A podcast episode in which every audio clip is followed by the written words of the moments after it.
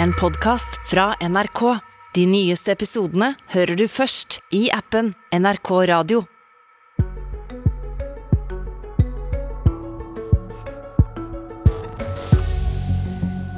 Trauste og moderate folkepartier mister grepet om velgerne.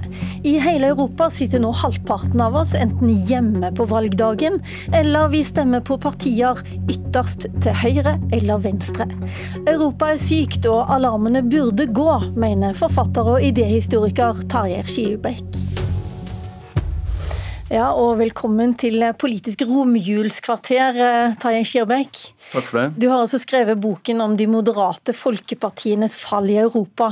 Og her eh, hjemmefra så vet vi jo at Arbeiderpartiet og Høyre er litt mindre enn de har vært før. Men det er nå de som styrer likevel. Kan du ikke gi oss et bilde over hvorfor du er så bekymra, og hvor små de en gang så eh, store styringspartiene ute i Europa er nå? Ja, nå er det ikke bare jeg som er bekymret, jeg tror det er en del eh, som er bekymret. Eh, jeg bruker også OECD som et eksempel på en organisasjon som ikke er bare bekymret for de sosiale og økonomiske systemene i Europa, men også faktisk for den politiske stabiliteten eh, fremover på kontinentet. Og Min bekymring den bunner egentlig i fire ting. Eh, det ene er at de tradisjonelle moderate folkepartiene har falt eh, kraftig, enkelte steder kollapset. Eh, vi har fått sterke ytterpartier, populistiske partier. Eh, og vi har fått et mer fragmentert politisk landskap, altså mange flere mindre eh, partier. Og Sist, men ikke minst, så har valgdeltakelsen i Europa til nasjonale valg falt fra 85% til 65 i dag, og den er fortsatt synkende. Det er altså sosialdemokrater, kristenkonservative, liberale, disse store partiene du snakker om nå. Men, men, hva er problemet? Er det ikke sånn at eh, ok, de blir små, og mindre partier de vokser fram og blir store og tar plassen deres? Ja, eh, det er ikke noe problem at eh, det er et dynamisk valgsystem og nye partier kommer opp. og Jeg er veldig for at vi har et flerpartisystem og folk kan velge. Problemet med at eh, store, moderate understreker moderate folkepartier faller, er at disse partiene tradisjonelt har bestått av eh, viktige allianser som har tatt opp i seg viktige samfunnsstrømninger. Hvor de har da lært seg å balansere samfunnsinteresser internt og Det tar de også inn i regjering, hvor de lærer å balansere rett og slett samfunnsmotsetninger. Balansere, altså du mener å se en sak fra en og andre sida? Ja, for hvis du bare har interessepartier eller mindre som er stort sett oppsatt av én sak eller mindre, eh, færre saker, så har de mindre trening internt og også mindre egeninteresse på dette. her, og Det skaper også et problem når de kommer i posisjon. At det er mindre rom for å skape felles utgangspunkt for politikk. Og Det har vært en av styrkene i den demokratiske delen av Europa, hvor moderate høyresiden og den moderate venstresiden har delt veldig mange felles oppfatninger. Eh, helt grunnleggende. De har vært veldig uenige om mange ting, men det er noen grunnleggende ting som ligger fast, som har gjort at det har vært en stabilitet i utviklingen av Europa. Selv om den også har vært konfliktfylt, så har den vært grunnleggende eh, stabil. Og det er litt i spill eh, nå, slik jeg ser det. Simen Ekan, du er korrespondent med base i Brussel til vanlig, men også i Roma, der du er nå. Og du har skrevet bok om den europeiske høyrepopulismens vekst og framtid for noen år siden. Ser du de samme faresignalene som det Tarjei Skirbekk beskriver her? Ja, At de faresignalene fins, det tror jeg ikke det er noe tvil om. Jeg snakket med en borgermester i en bitte liten by i Flandern nord i, i, Belgia eh, for en stund siden. Han representerte det kristendemokratiske eh, partiet og var bekymret for sinnet sinne som han merket fra folk som både var sinte på koronarestriksjoner, men også hadde mistet, mente han, tilliten til hele det politiske systemet. Og hans konklusjon var at partiet han representerte, det sa han nærmest i en bisetning, vi kristendemokrater, vi kommer til å være borte om noen år. For når folk er sinte, så vil de ha partier som kommer med eh, dramatiske løsninger. Og da mm, fryktet han at det ikke var plass til eh, et parti som i sin natur skal eh, moderere mellom forskjellige eh, standpunkter og forsøke å finne en eller annen felles løsning. Så han så jo dette veldig klart, og det syns jeg var interessant. Så, så det fins på den ene siden, og så tror jeg det finnes noen trekk som, som, peker i en annen retning også. Ja, du kan vel si at kanskje dette er en ordfører som da ikke har gjort jobben sin, og ikke svart på den forbannelsen som velgerne hans preges av? up.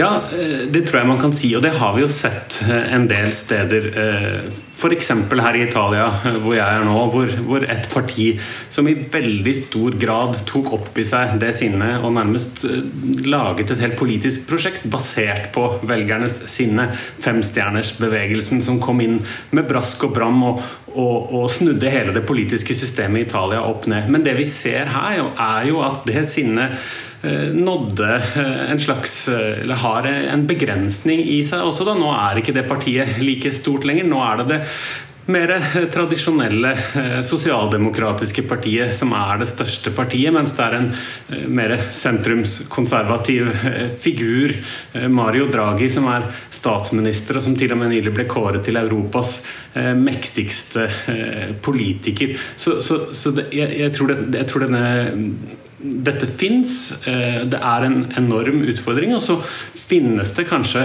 eh, muligheter for, for de store, etablerte partiene til å komme tilbake. Så det er iallfall ikke gitt at dette er en utvikling som uh, utelukkende går i en bestemt retning om dagen. Jeg syns vi ser mange forskjellige og kanskje litt motstridende tegn til at folk forsøker å finne ut Eh, hvordan det store problemet, eh, kanskje, nemlig at folk ikke stemmer i noen særlig grad lenger, kan, eh, kan løses. Og det er det vel ingen som har funnet noen fryktelig god løsning på foreløpig. Før vi går inn på det der med at ingen, færre stemmer, Skirbekk, du, du, ser vel også det at det er tegn andre veien også, som Ekan er inne på? Ja, skal, altså jeg skal være forsiktig med å male fanden på veggen, selvfølgelig. Men jeg mener at tendensen generelt og i mer eller mindre samtlige land er slik jeg nå beskrev. Og jeg tror også det er viktig å ha med at vi ser kanskje noen lyspunkter er litt avhengig av hvor du står politisk. da. Hvis du har en litt mer sånn liberal midten-sentrumsorientering, så vil du si at det går bra enkelte steder. Men det er stort sett i storbyer, eh, men ikke nasjonalt. Og jeg vil jo også legge til I Italia så er det jo riktig at Femstjernerspartiet, som er et populistisk parti, nå er bare på 15. Men husk at statsministeren i Italia er en teknokrat. Eh, det politiske systemet i Italia er jo ikke kollapset, men det er ikke så langt unna. Det er jo en samlingsregjering, fordi de klarer ikke å bli enige. Og Samtidig som Lega Nord, som fikk 34% i 2019 på EU-valget, er nede i 20, så har jo brødre for Italia, og nå snakker vi liksom Mussolini, økt fra 2 til 20. Så per i dag, nå kan Simen sikkert eh, justere meg, men så skal altså 40% av italienere, det er et G7-land, stemme ytre høyre. Og Da snakker vi ganske langt ut til ytre høyre, pluss 15% på Femstjernerspartiet. Eh, og Sosialdemokratene har 20. Så, så veldig lyst vil jeg ikke si det, selv om det sikkert er lyspunkt. Kristin Clemet, du er også med oss. Du er leder for den liberale tankesmien Civita. Eh, du ser litt lysere, du. Du syns Skirbekk går litt langt? Altså jeg deler jo veldig mye av eh, den virkelighetsbeskrivelsen han tegner. De store partiene, eller folkepartiene, de blir mindre. Det blir mer eh, fragmentering, flere partier, eh, lange forhandlinger, nye typer av koalisjoner, mer ustabile regjeringer. Vanskelig å inngå kompromisser og treffe helhetlige løsninger. Så jeg tror ikke vi kan være så veldig uenige om det. Jeg tror heller ikke vi er så veldig uenige om årsaksbildet, nemlig at de store partiene de representerer ikke lenger de helhetlige, altomfattende prosjektene og folkebevegelsene som de gjorde, så de er svekket. Og så har det oppstått nye politiske skillelinjer, nye ideologiske skillelinjer, f.eks. mellom nasjonal og global osv., men også nye skillelinjer mellom grupper av velgere. Ung, gammel, høyt utdannet, lavt utdannet osv. Og så har eh, mange befolkninger i Europa mindre tillit til de gamle partiene. De er liksom blitt en del av systemet, representerer eliten. Og effekten er jo verst der hvor de har valgsystemet med lave sperregrenser. Altså Danmark og Nederland, hvor det er veldig mange partier. Dette har vi jo sett i Nederland i veldig, veldig mange år. Men så er jeg kanskje ikke fullt så pessimistisk når det kommer til å tenke på årsakene til at dette skjer litt utover hva man kan gjøre med det, fordi det er noe sunt med det også. Altså Når vi har fått flere grønne partier, flere innvandringskritiske partier, så er jo det fordi de roper et slags sånn eh, alarm, alarm til de gamle partiene som ikke har tatt disse sakene alvorlig. Og de har ikke tatt dem alvorlig bl.a. fordi det splitter dem. Så jeg syns det har vært vanskelig å ta i dem. Så på en måte så har de en funksjon, disse partiene.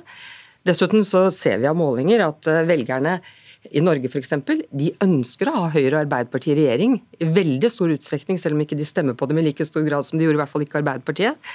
Og så mener jeg jo at eh, Sett i et sånn historisk perspektiv, så, så, har vi jo sett dette før. altså Det er jo liberale partier i dag som er veldig små, og som har vært veldig store historisk. Og jeg synes kanskje, Nå skal vi ikke snakke altfor mye om boken din, fordi alle har vel ikke lest den, men jeg syns du legger litt for liten vekt på de liberale partiene i Europa, som også er moderate borgerlige partier. For eksempel? ja, altså Se på Danmark. Der har man et uh, liberalt parti som heter Venstre, et konservativt parti. De er på målingen nå ca. 15% hver, til sammen ca. 30% for en nordmann som ikke kjenner dansk politikk godt, så ser de partiene nesten like ut. Så, så, det er på en måte, Sett i sammenheng så er det ikke så svekket overalt, hvis du bare ser på f.eks. de kristeligdemokratiske eller konservative partiene. Okay, la oss, la oss, og så må jeg bare si at jeg har kikket litt på hva unge velgere stemmer. og der er det i noen land så stemmer de i høyere grad på moderate partier enn eldre velgere gjør. Og Det er jo et ganske optimistisk tegn, da, syns jeg, at ikke de går til ytterkanten i alle land. Skirmek. Ja, jeg er en del av mye av det Clemet her sier. Eh, jeg tror også du har rett i at når eh, folk eh, stemmer på grønne partier eller innvandringskritiske partier, så er det også en kritikk av de moderate partiene ikke de klarer å ta inn over samfunnsstrømningene. Så det her er litt høne og egget. Altså, de svekkes pga. samfunnsstrømningene, men de har også lagt til rette for sin egen nedgang ved at ikke de tar inn over seg samfunnsstrømningene. Så, så er det sagt.